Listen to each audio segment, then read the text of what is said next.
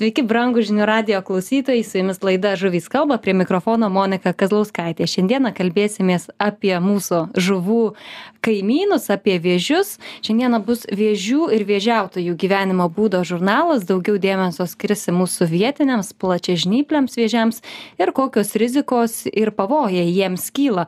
Apskritai kalbėsime, kur vėžiai žiemoja, čia toks turbūt daugam rūpimas klausimas, kaip dažnai jie keičia savo apdarą, keutą, kokios rūšys pas mus vandenyse yra surandamos ir daug, daug kitų įdomybių.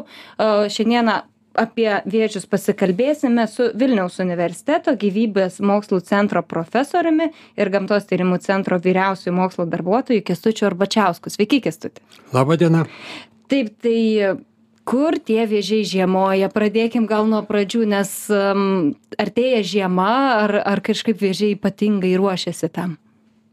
Oi, e, jeigu pakalbėti apie jų gyvenimo ciklą, na prasme, kaip jie gyvena, tai savame aišku, kad vėžiai ruošiasi.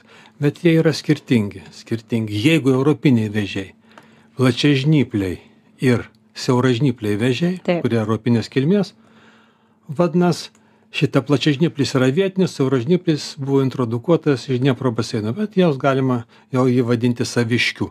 Tai šitie vėžiai žiemą pasitraukė sumo į gilesnius vandenis ir pereina į diopauzę. Vadinasi, jų gyvybinė veikla sulėtėja, jie nesimaitina, vadinasi, laukia, kol ateis geresnis laikas, vadinasi, ir matomai aktyvuojasi priklausomai nuo dienos ilgio, kai diena pradeda ilgėti ir šiltėja vanduo. O tuo tarpu, pavyzdžiui, žymėtasis visi žinoma, kad jisai yra aktyvus ir šaltuoju metų laiku ir maitinasi. Mhm. Ir maitinasi. Tai, sakykime, vadinasi, teko man būti Švedijoje, tokioj fermoj kur ne palauk atsiprašau netiesą kalbu ne švedijoj suomijoj kur ten augino ir e, žymėtusius vėžius ir plačiažnyplius vėžius tai vadinas sakė kad jų pranašumas kad jie greičiau auga ir dar dėl to kad maitinasi ir žiemą. O rainuotieji vėžiai atvirai pasakius taip ir nežinau ant kiek jie yra aktyvūs žiemą bet aš spėčiau kad jie yra aktyvesni mhm. mūsiškiai vėžiai. O plačiažnypliai ir siauražnypliai taip išeina jie nesimaitina taip jie pereina į diapauzę ramybės daug nejuda laikosi mhm. vienoj vietoje. Ir taip vadinama to ta va tokia kaip sakoma ne įmygis bet tokia ramybės stadija Mhm. Tarytum atrodytų, kad jie gali būti lengvas grobis kažkam, ar ne, kol jie... Nu, jie slepiasi, plačiažnypliams ir siauražnypliams yra reikalingos slėptuvės. Mhm. Kokios tai slėptuvės dažniausiai būna? Paprastai slėptuvės būna kur nors tarp akmenų, po kokiais uh, rieduliais, po šakomis, po rastais. Jeigu yra kokie nors upės status krantai, tai jie gali įsirausti ir urvelius mhm. ir tenai slėptis. Mhm. Vadinasi, iš esmės, skirtingai negu kokiems nors treniruotėsiams vežiams, kitiems vežiams svarbus dalykas yra slėptuvės. Ir dažnai slėptuvių kiekis nemaža dalimi, jeigu viskas kitas gerai, apsprendžia, kiek ten tų vežių yra koks jų gausumas. Mhm. O jie taip suropoja į tas žiemojimo vietas būreis ar pavieniui daugiau būna? dabar uždavė tokį klausimą, į kurio aš tikslaus atsakymą neturiu. Reikėtų matomai tikoti po mhm. vandeniu ir žiūrėti, kaip jie trupuoja. Bet aš manau, kad tikriausiai viskas individualiai gaunasi. Nėra taip, kad, kad retkarčiais, kai matome, e, kai krabai juda link vandenino, vadinasi daugintis, kurie gyvena sausumoje, tai ten visos tokios armijos tų mhm. krabų juda. Tai su vežiais taip tikriausiai nėra. Taip nėra. Gerai, tai pas mus, kaip suprantu, yra randamos keturios rūšys, ar ne? Plačiažnyplis, siauražnyplis, žymėtasis ir rainuotasis, ar ne? Apie plačiažnyplį. Um, jie taip išeina nuo senų, senų senovės čia pas mus gyvena. Taip. Dabar gal jau klausytojai tą viską ir žino, nes nekartą apie tai yra kalbėta, bet trumpai pasikartosiu plačiažnypliai. Skaitoma kad jų kilmės arealas vadinasi yra aplink lietuvą ir daugmaž lietuva išpuola centre vadinasi jų kilmės arealo. Tai vadinasi jie galima sakyt kad jie tikrai yra mūsiškiai ir čia formavosi. Neatplito čia bet čia formavosi siauražnypliai vėžiai. Jų kilmės arealas yra į truputėlį į pietryčius nuo lietuvos. Skaitoma kad jie natūraliai paplitę yra ponto kaspijos baseine ir konkrečiai dniepro baseine. Dniepro baseine. Tai vadinas lietuvoj jie buvo tikriausiai aštuonioliktame amžiuje buvo introdukuoti. Kai vat prasidėjo maro epidemijos buvo galvojama kad gal jie galėtų būt atsparesni marui bet pasirodė kad jie taip pat yra jautrūs marui ir tais laikais juos atvežė Mhm, bent jau taip yra nusprendę kad vadinas perkelia čia sakykim pavyzdžiui baltarusija baltarusijoj reiškias yra jų natūralaus paplitimo arealas tai vadinas čia visiškai netoli perkelti Mhm. Tai žmonės tiesiog atsivežė juos su tikslu, kad jie būtų atsparesni, ar ne? Nes nu, buvo, buvo manoma kad jie galbūt yra išmirdo. atsparesni vadinas negu plačiažnypliai nu kad marui gali būt atsparesni bet pasirodė kad nieko panašaus bet jie suformuoja irgi gausias populiacijas vadinas skonio savybės kulinarinės irgi yra puikios Mhm. tai per tiek laiko mes juos jau pripažįstame saviškiais o kiti jau yra ateiviai Iš esmės jokios neigiamos įtakos plačiažnypliui siauražnyplis nedaro.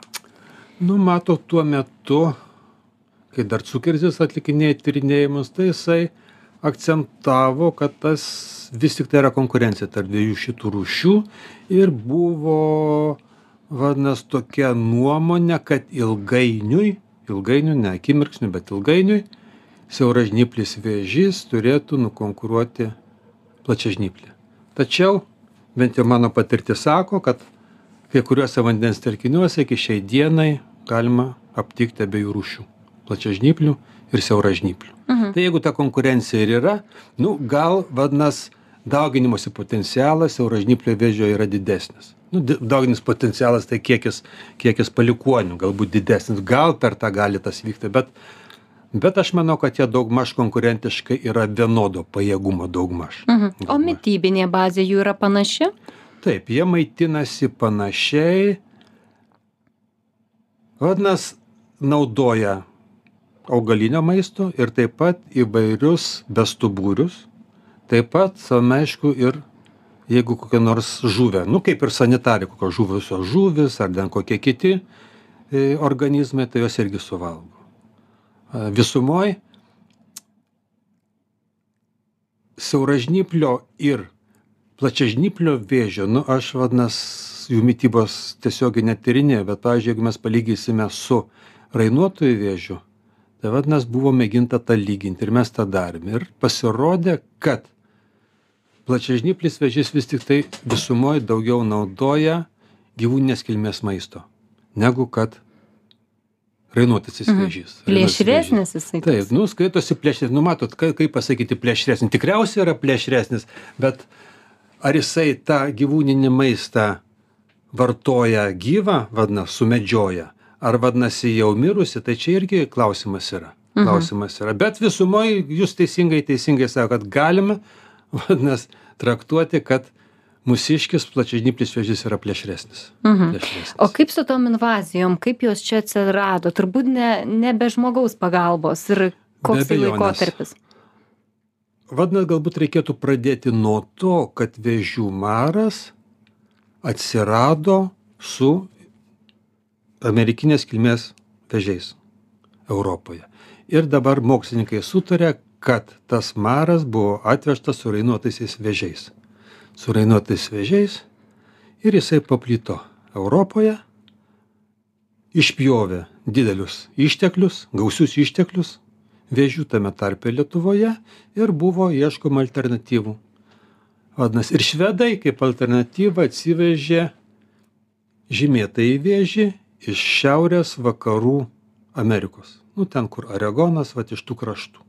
Ir tie vėžiai neblogai prigijo ir jas pradėjo, vadinasi, platinti. Dabar, sakykime, švedai jau yra parodę, kad ir e, žymėtieji vėžiai nėra tokie viskam atsparus ir jų populiacijos krenta ir panašiai.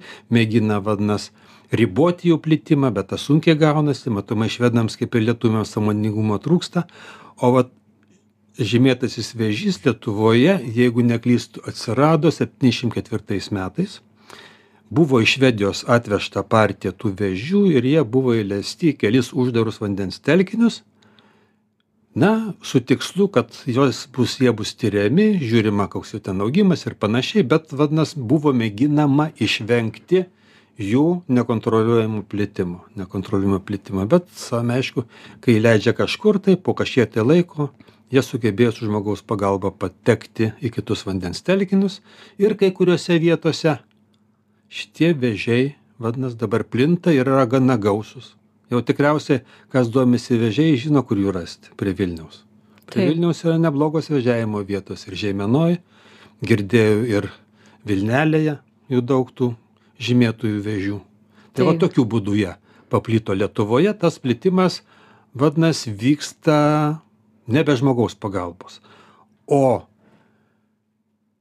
O koks žrainuotas buvo? jis prašau O koks sumanymas buvo jų atvežimo nu apskritai? tai va tiesiog Aš vadinas- suprantu, švedai vadinas- tyrinėt norėjo Taip, lietuviai Ameri- irgi norėjo tyrinėti. Tai vadinasi, čia Cukerzio, man atrodo, iniciatyva, Cukerzio mažylio iniciatyva, kurie užsiminėjo, anuo metu buvo Lietuvoje rastikologijos laboratorija, zoologijos parasitologijos instituto, tai vadinasi, ta laboratorija, kur užsiminėjo vežiais, vadinasi, vežių tyrimais. Tai vad buvo atvežti tyrimams, tyrimams ir paskui pabėgo. Daug yra pavyzdžių.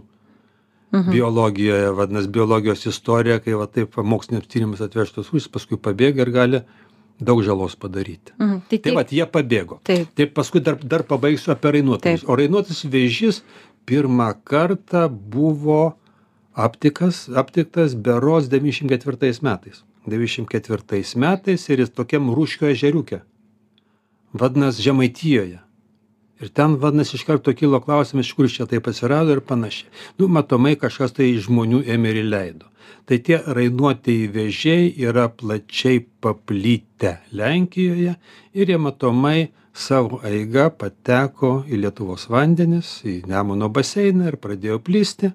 Vadinasi, o ir užkio ežerė tikriausiai žmonės juos užnešė, užvežė. Ta prasme, kaip tiesiog kas nors galbūt turėjo, pasibodo ir paleido. Nu ir paskui prasidėjo masinis plitimas tų rainuotų vėžių po visą Lietuvą. Vadinasi, mūsų buvo matomai tarp paprastų gamtos mylėtojų, nelabai suvokiančių invazinių rūšių žalą tokia nuostata, kad geriau koks nors vėžys negu jokio. O kadangi šitie rainuoti vėžiai yra aktyvūs ir dieną, tai jų prasirinkti yra paprasčiau. Ir, pavyzdžiui, žemaitėje esu girdėjęs, kad kiberais nešiodavo iš vieno vandens telkinio į kitą. Taip ir paplito. Ir skirtingai, sakykime, nuo žymėtųjų vėžių, rainuoti vėžiai turi tokią polinkį, daug didesnį, stipresnį polinkį plisti. Ir jie vadinasi plinta tais vandentakiais. Praktiškai visoje Lietuvoje jų yra. Mhm. Bet kas lemia, kad invaziniai vėžiai, bet sakot, jie turi tokią į, geresnės e, kaip e, savybės plisti, kuo jie tokie atsparūs, apskritai, va tie invaziniai, jie, ėdresni, jie, jie prisitaiko prie temperatūrinių skirtumų geriau, vandens taršai yra mažiau jautrus. Nu, Jie, vadinasi, kai aš sakiau, kad e, siauražnypliai ir platažnypliai daugiau mažiau yra panašaus pajėgumo, konkurentinio pajėgumo, tai invaziniai amerikinės kilmės vėžiai jie yra pranašesni. Žymėtasis vėžys tikriausiai yra iš dalies pranašesnis dėl savo agresyvumo. Agresyvumu jisai, vadinasi, yra agresyvesnis ir yra tyrimai parodyti, kad jisai nugali tarp konkurencinėje kovoje, taigi su laiku jisai turėtų išstumti. Vadinasi, plačiažnyplius vėžius iš šių buveinių. Bet dar vienas yra aspektas, kad žymėti vėžiai patys būdami atsparus jie yra vėžių maro nešiotojai. Vadinasi, jeigu toksai vėžys patenka į vandens, nu, ta prasme, kad for, nu, populiacija suformuotų, turi būti kažkoks tai kiekis jų ten, kad lytinis daugimas iš vieno individo prasidėti negali, nepartoina genezė.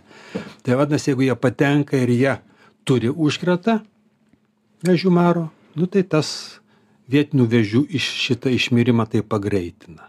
Mhm. O jeigu mes lygisim plačiažnyplius su rainuotojų vėžiu, tai dėl konkurentinės, dėl agresijos sunku pasakyti. Ta prasme, yra, yra vadinas, man atrodo, tyrimai ir jeigu aš neklystu, kad liktai plačiažnypliai gali net būti agresyvesni negu tie tokio pačio dydžio, bet rainuotieji vėžiai turi daug didesnį dauginimosi potencialą. Jie vadinas subręsta po vienų metų, kai plačiažnypliai vėžiai po 3-4. Nu tai vadinasi, kai yra daug, didesnė, gau- daug didesnis gausumas tų vėžių, tai jau po truputį įstumia.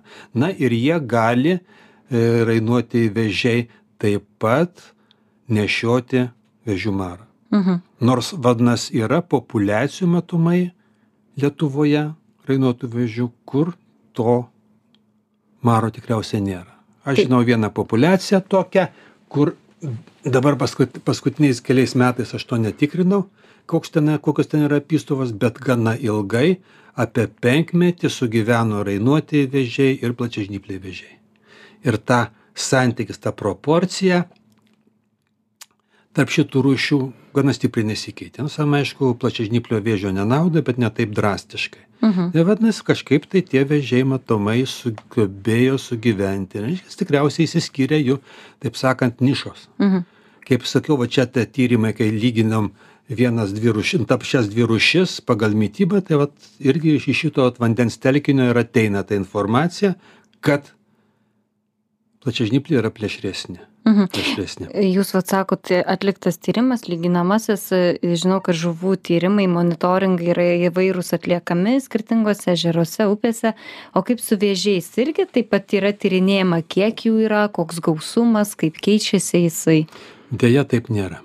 Deja, taip nėra, kad vėžių stebėsena jinai nėra įtraukta į valstybinę monitoringo sistemą, nėra įtraukta. Būna kodėl? karts nuo karto. O nežinokit, gerą klausimą užduot aš. Per, net mažiau, per mažai reikšmingi vėžiai. Aš nežinau, kaip čia, nu, žuvis, aišku, valgomas, daug kas mėgsta žuvis, o vežiai, nu, vežiai, kaip sakoma, vadinasi. Na, vėžiautojų mes irgi turime. galbūt. Nežinau, kodėl netraukti į tą sistemą, bet sam aišku yra projektėlių, kai vykstama inventorizacija ir mano kolega tuo dalyku užsiminėja, aplankęs yra gausybę vandens telkinių ir nustatęs, kokie ten vežiai, vežiai gyvena ir koks jų gausumas, bet valstybinių lygių, kad tai būtų reguliari stebėsena ir vadinasi kažkokia programa, to nėra. Mhm. To nėra. Negerai tai. Nu, sakykime, informacija apie e, invazinius vėžius. Aš turėjau tokias irgi užsakytus, vadinasi, ne ilgalaikę programą, bet tokius epizodinius tyrimus kelių metų, kai buvo atliekama stebėsena svetimkraščių rūšių invazinių Lietuvoje. Nu, tai ten pagrindiniuose m, pavyko identifikuoti ir paplitimą tų rainuotųjų vėžių, bet bei kai kur ir žymėtųjų vėžių. Va tai neįtraukta. Reikėtų tai įtraukti, ypač šiuo metu, kai plačiažnypliai vėžiai nyksta ir akivaizdžiai nyksta, reikėtų vykdyti jų stebėsiną, vertinti populiacijas ir mėginti jas išlaikyti. Taip, jo labiau, Va- kad ir dirbtinis veisimas dar yra taikomas. Tai apie plačiažnyplius vėžius dar antroji laidos dalyje tikrai pasikalbėsim, bet dar prieš išeinant į pertraukėlę turim minutę. Noriu paklausti apskritai, e, kokia vėžių rolė yra vandens ekosistemoje, nes, na, kiekvienas gyvas sutvėrimas gamtoje turi savo paskirtį. Tai kuo jie yra reikšmingi, kodėl vėžių turi būti vandenyje? Dviem aspektais galima kalbėti. Vadinasi, biologinių aspektų vėžiai paprastai priskiriami prie vedančių bendryje rūšių. Kaip, kaip vadinasi, aiškiai paaiškinti, ką tai reiškia vedanti rūšis. Angliškai dar vadinama keystone species. Vadinasi, ta, kurios poveikis bendryjei yra proporcingai didesnis negu jos biomasė toje bendryjoje. Taigi, vadinasi, jie apsprendžia sąlygas kitiems gyvūnams gyventi, vadinasi, sakykime, dalinai gali ten ir vandens augalinę apspręsti, kokia ten sąstatas yra bestuburių, vadinasi, jie yra svarbus. Ir jeigu jie per ilgą laiką susiformavo, reiškia, šitą vertybę reikia saugoti kaip būtiną elementą e, vietinių vandens, gėlų vandenų, vandenų bendrijos. Kitas aspektas yra socioekonominis, reiškia socialinis aspektas, kad lietuviai matomai turėjo vėžius plačiažnyplius nuo amžių amžinųjų ir tai yra mūsų kultūros dalis. Taip. Aš manau, kad vat panašiai kaip ir Švedijoje. Šitą irgi reikia išsaugoti. Taip, galų galia yra atsakomybė išsaugoti tai, kas iš kartos į kartą buvo perdodama ir ne, nenumarinti į užmarštį visiškai mūsų vietinės rušies. A, Turim įsiskirti trumpai per traukėlį, niekur nepabėgit, kaip kalbėjom, toliau kalbėsimės apie mūsų vietinį plačiažnyplį vėžį, kaip jam čia sekasi ir ką mes darom, kad jį išsaugotume. Tai bus tikrai įdomu, niekur nepabėgit ir likit su žinių radiju.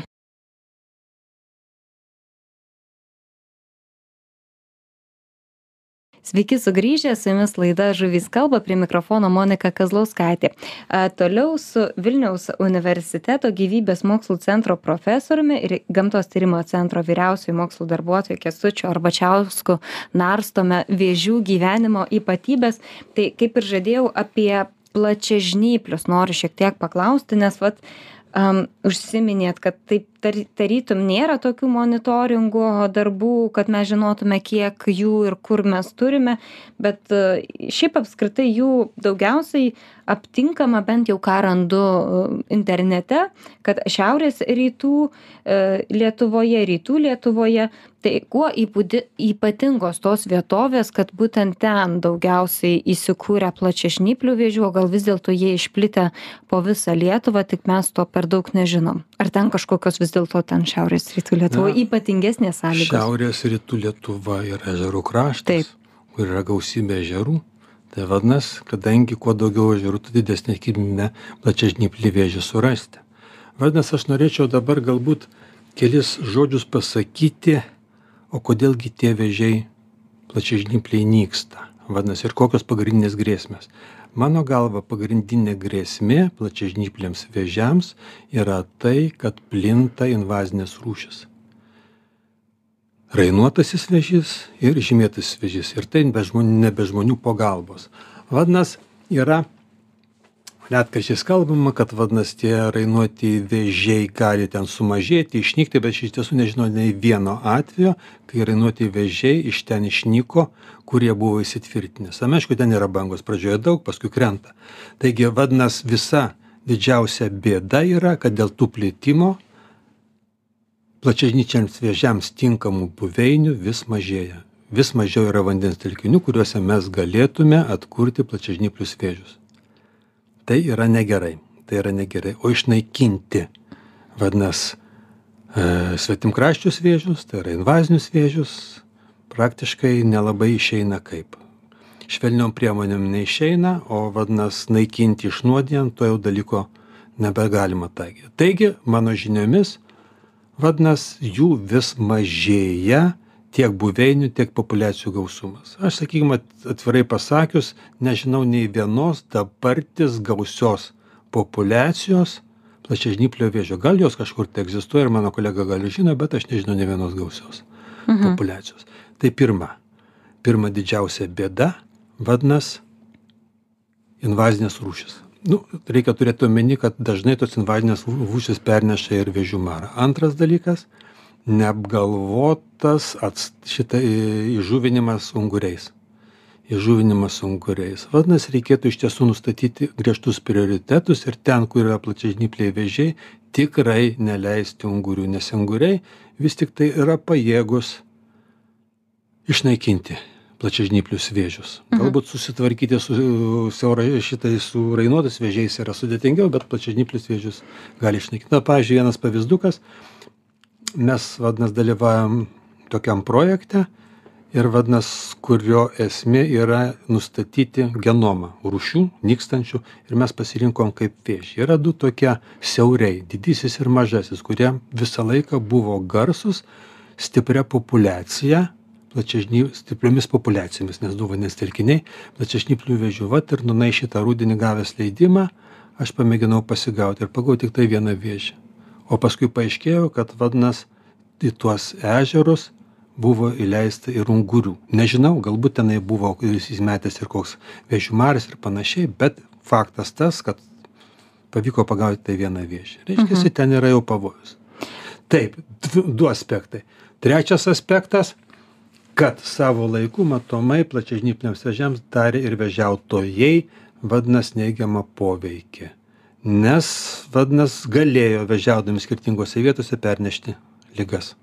Nes dabar apskritai kadangi e, plačiažnyplis vėžys įtrauktas į raudonąją knygą jo gaudyti negalima bet anuo metu vadinas kai gaudė tai pagaudė vienoje vietoje paskui važiuodavo į kitą neišdžiovinę vandens reiškiasi gaudymo įrankių. O vadinas nors e, vėžių maro užkratas nėra labai atsparus bet vadinasi jisai vis tiek gali būti šlapiam pavidale su šlapiais įrankiais pernešamas Mhm. tai vėlgi būtina pagaudžius vienam telkiny prieš naudojant įrankius bučiukus kitam telkiny būtinai juos išdžiovinti Žiūrint prieš Taip, saulę, taip. pakabint gerai, taip iš... išdžiovinti nu galima dezinfekuoti bet kad dezinfekuos vadinasi mylėtojai tikriausiai tikėtis mažiau yra bet bent jau išdžiovint būtina yra Kaip Tai suprantu, iš žuvų tai patys pavojingiausi vėžiams yra unguriai, ar dar ir kitos rūšys. Vežiais noriai maitinasi lydekos, ešeriai, ypač ešeriai mažais vežiukais. Tačiau nuo šitų plėšrūnų vežiai gali pasislėpti urveliuose. O vat nuo ungurių pasislėpti nebeina kaip. Vadinasi, unguriai išlaukia tą momentą, kai vežiai nerėsi, įsinėręs keutas yra minkštas ir jis sutvarko Mhm. vėžį. Ir čia slėptuvės nepadeda. Taip, aš skaičiau, kad vėžiai patys pažydžiamiausi, kai jie nerėsi, ar Taip, ne iš savo taip. keuto. Tai šiek tiek apie tai pasikalbėkim, kaip dažnai jie nerėsi, ar tai irgi nuo jų rūšies priklauso, ar jie kiekvienais metais savo apdarą keičia ir, ir kam tai yra reikalinga. E, Visų pirma, vežiai, kaip ir daugelis vabzdžių, nedaugelis vabzdžių, bet visi vabzdžiai turi išorinį keutą. Taigi, vat, kad galėtų kūnas padidėti, tą keutą reikia numesti. Tai taip, taip ir vežiai didėja.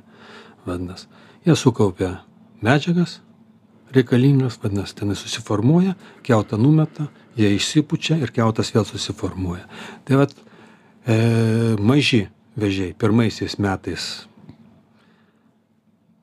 tikriausiai kas kokį mėnesį, gal, gal nu, ta prasme dabar tiksliai pasakyti, kiek kartų nerėsi, bet dažnai nerėsi, paskui su amžiumi nerėsi, vadinasi, tik tai po vieną kartą.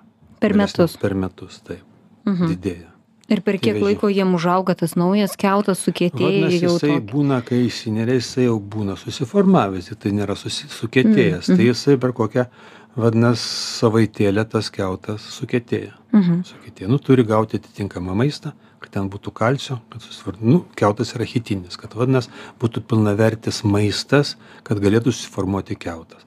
Gamtinėmis sąlygomis tai problemų nėra, bet, pavyzdžiui, auginant yra turiu tokios patirties kad vat jautriausia stadija vėžiams viskas iki nerimosi viskas puiku o vat nerimosi metu dažnai jeigu kažko tai trūksta jie tiesiog neišgyvena Mhm. Tai va. O kiek tas nerimasis užtrunka ten? Dienos klausimas, savaitės ar mėnesio? ne įsineria aš manau per kokią dieną Na, per Dvi. vieną dieną. nu, Greitai. tai ar ne? vadinasi kad pratrūksta Persirengia. patrū, pratrūksta tas kiautas iš jų Mhm. išropoja ir paskui pasislepia ir laukia kol sukietės kiautas Mhm. Aš kai lankiausi žuvininkystės tarnyboje, mačiau, kaip vyksta tie dirbtinio jų veisimo darbai. Irgi man rodė darbuotojai tokius kaip baltus akmenukus. Kažkaip ten pasako, kad jie išeina iš jų virškinimo trakto, toks kaip piršto galo dydžio, baltas toks kaip akmenukas. Mhm, mhm. Kas tai yra? Sakė, kad jie, kai keičia tą keutą, va toksai irgi iškrenta. Iškrenta. Taip, čia vadinasi dabar, ar tikriausiai pas vėžius netolitų, bet vadinasi jisai taip yra virškinimo trakte, nu ir paskui jisai vadinasi nerintis iškrenta, nes iš nerimus tikriausiai ir iš vidaus išeina dalis to paviršiaus kūno, vadinasi ir paskui formuojasi iš naujo. Mhm. O tas vadinasi darinys yra susijęs su vadinasi maisto smulkinimu. Mhm. Tai visi vėžiai tokius turi, ar ne, jie kai Manau, nerėsia? taip. Manau, kad taip. Nes tik tais pas plačiažnyplius mačiau, gal ar čia jų vienintelių toks Na, unikalus. Vadinasi, tikriausiai dar, kol nesibaigia laida, reikėtų pašnekėti ir kokios perspektyvos išlaikyti vėžį Lietuvoje. Taip, aš Iš tiesų tai yra, Ar, ar įmanoma pasiekti ir kokiam priemonėm dar tą reiktų padaryti? mano yra tokia vienareikšmiška nuomonė, kad iš tiesų mes galime kažką tai pasiekti ir reikia dabar pagal galimybės formuoti vėžių populiacijos tuose vandens telkiniuose, kurie yra uždari. Pageidautina geriau saugomose teritorijose, į kurios natūralių būdų, vadinasi, svetimkraščiai vėžiai patekti negali, nu, ta prasme nėra ryškių, vadinasi, e, iš, iš, nu, ta prasme, nei intakų, nei ištakų, vadinasi, kad jie yra uždari saugomose teritorijose. Tokiuose vandens telkiniuose reikėtų formuoti vėžių populiacijas. Va šiais metais sėkmingai pavyko išauginti simno žuvininkystės ūkį, ta prasme neišauginti, bet išveisti vėžiukus ir jie buvo išleisti į Veprio ežerą ir kitas didžiausias Lietuvoje nenutakus ežeras Švento ežerą, kur kažkada tai buvusios gausios populiacijos. Tai va tokiu būdu atstatyti, reikėtų atformuoti tokias populiacijas. Vadinasi, yra tokių ir niuansų, kuriuos sunku paaiškinti, bet reikėtų kažkaip tai išspręsti. Sakykime, kai kuriuose rezervatinėse teritorijose yra visiškai tinkami vandens telkiniai vežiams. Ir tas svarbiausia, kad tos vežių kažkada tenai buvo bet reglamentas tų rezervatinių teritorijų neleidžia jokio poveikio. Mm, net įžuvinimas yra draudžiamas. Net įžuvinimo, netgi vežių įleidimas. Tai va šitą dalyką reikėtų išspręsti, nes čia, vadinasi, tokiuose vietose išlaikyti populiacijas iš tiesų genofondą mūsų vežių būtų labai naudinga. Dar kitas dalykas yra, kad nedidukai vandens telkiniai vat nedideli ežeriukai kurie potencialiai būt nu nenuotakūs kurie potencialiai būtų tinkami vėžiams vadinas neretai yra privatūs. O kadangi žuvinimas yra valstybinis į tokius privačius vandens telkinius leisti vėžius negalima. Vadinas tai būtų kai čia Lietuvos, ta prasme, valstybės lėšų eikvojimas. Bet iš tiesų reikėtų apie tokį dalyką pagalvoti ir galbūt kažkaip tai įspręsti. Nes, sakykime, vadinasi, yra išnuomojami vandens telkiniai, kuriuose, kiek aš žinau, tam tikromis aplinkybėmis galima būtų vežius išleisti. Galbūt su tais privačiais savis, ta prasme, ežerų savininkai galima būtų daryti kažkokias sutartis, kad jis įpareigoja saugoti. Panašiai, čia yra techninės detalės, bet reikėtų ir šitą dalyką išnagrinėti galimybes, vadinas, ir mėginti, kaip sakau, formuoti tokį tinklą ežerų, kur būtų saugomas plačiažnyplių vežiukino fondas. Ir galų galiai iš to ateitų ir medžiaga, kad vadinas galima būtų veisti vėžius. Tikriausiai reikėtų Lietuvoje perspektyvoje galbūt įsteigti ir specializuotą vežių veisyklą. Nes Simna, žinot, užsima ir kitais kitom žuvų rūšim ir panašiai, tai tas viskas yra sudėtingiau tą daryti. Mhm. Manau, tam būtų paklausa. Dabar dar kitas dalykas, dabar kai raudonoji knygoje yra plačiažnypliai vėžiai, jų vadinas gaudimas yra uždraustas, negalima gauti.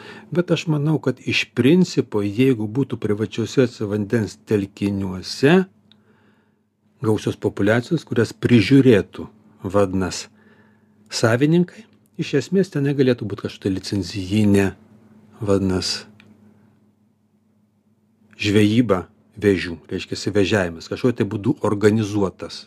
Mhm. Tokiu būdu. Tai antra vertus mes gautume ir naudą, ta populiacija būtų saugoma, jeigu jinai saugoma, šita yra, vadinasi, saugiai eksploatuojama, naudojami tie patys įrenkiai, jokių lygų ir panašiai. Ir antras žmogui būtų pelnas. Ir antras, kaip sakau, būtų saugomas ir genofondas. Tai va tokie dalykai turėtų būti sprendžiami, nes, vadinasi, perspektyvoje gali nutikti taip, kad mes turėsime plačiažnyplius keliuose vandens telkiniuose, kurie bus griežtai saugomi ir Taip, nelabai kas. Nu, žinau dar tokių atvejų, kad kai kuriuose karjeruose vėžiai neblogai yra įsitvirtinę ir jie ten ilgai laikosi. Vadnas. Mhm. Plačiažnypliai būtent. Plačiažnypliai. Mhm. plačiažnypliai. O jie daugiau ežerų yra vėžiai, upeliuose jie mažiau randami. Upeliuose jie taip pat anuo metu būdavo ir pakankamai gausūs ir manau, kad ir dabar yra upelių, kuriuose jie yra. Vadinasi, ir tokius upelius galbūt ir reikia, nu, nors jie vadinasi, aišku, jie nėra izoliuoti tie upeliai, bet ten, sakykim, gali būti užtvankos kurios gali užkirsti kelią kokių rainuotųjų vėžių plitimui. Tai va tokios populiacijas taip pat galbūt būtų prasme atstatyti, kaip pavyzdžiui, kamoja. Mhm. Dabar kokios apystos ten nežinau, bet ten buvo gausi populiacija plačiažnyplių vėžių, kuri kažkada tai krito. Mhm. Dar vadinasi, galbūt aš pasakysiu tokį optimistinį dalyką, kad vadinasi yra žinoma, pavyzdžiui, pirmiausia, tai buvo nustatyta Suomijoje, kad kai kurios vėžių, plačiažnyplių vėžių populiacijos yra atsparios vienam iš vėžių maro štamų. Vadinasi, taigi ta evoliucija nėra tokia bejėgė. Vadinasi, vėžiai prisitaiko, o gal bus Lietuvoje, bus taip, kad ten, vadinasi, vad dar kitą pavyzdį sakiau, kad plačiažnypliai ir rainuoti ilgai sugyvena. Gal ir mums po kiek laiko bus taip, kad vietiniai vėžiai prisitaikys prie ateivių ir kažkiek tai jų išliks. Mhm. Ir nebus jie tokie, vadinasi, pažeidžiami, kaip atrodo dabar. Bet bet kuriuo atveju priemonės turi būti kompleksinės ir koordinuotos taip, gerai, reikia saugot. Visų pirma, uždavinys numeris vienas yra suformuoti tinklą populiacijų tuose vandens telkiniuose, kurios negali patekti svetimkrašiai vėžiai ir kuriuose jie galėtų ilgą laiką gyventi. Taip, tikiuosi, kad aplinkos ministerija klauso ir žymisi kestučio taip. pastabas, nes iš tiesų tikrai būtų, manau, ir Lietuvai garbė ir na, atsakomybė išsaugoti šitą mūsų retą ir vis labiau nykstančią vėžių rūšį. Deja, bet mūsų laikas jau visiškai pasibaigė. Noriu padėkoti Jums, mėly klausytojai, kad buvote kartu su mumis, klausėtės apie vėžius. Tikrai beproto įdomi tema. Dar manau, tikrai kažkada ateityje prie jos bus galima sugrįžti. Dar noriu priminti, kad visų kitų laidų žuvys kalba galite rasti archyvą žinių radio internetinėje svetainėje į paieškos laukelį įrašę žuvys kalba. Ten rasite visas mūsų laidas, pokalbius apie žuvis, vėžiagyvius dar mes esame taip pat aptarę su kestučiu anksčiau ir taip pat šiandienos vėžius. Dėkui, kad buvot kartu ir primenu, kad diskutavome su Vilniaus universiteto gyvybės mokslų centro profesoriumi, gamtos tyrimų centro vyriausiųjų mokslo darbuotoju kestučiu Arbačiausku. Ačiū. Dėkui, kad klausėte. Ir iki kitų Sėkmės. susitikimų. Iki malonaus. Laimingai.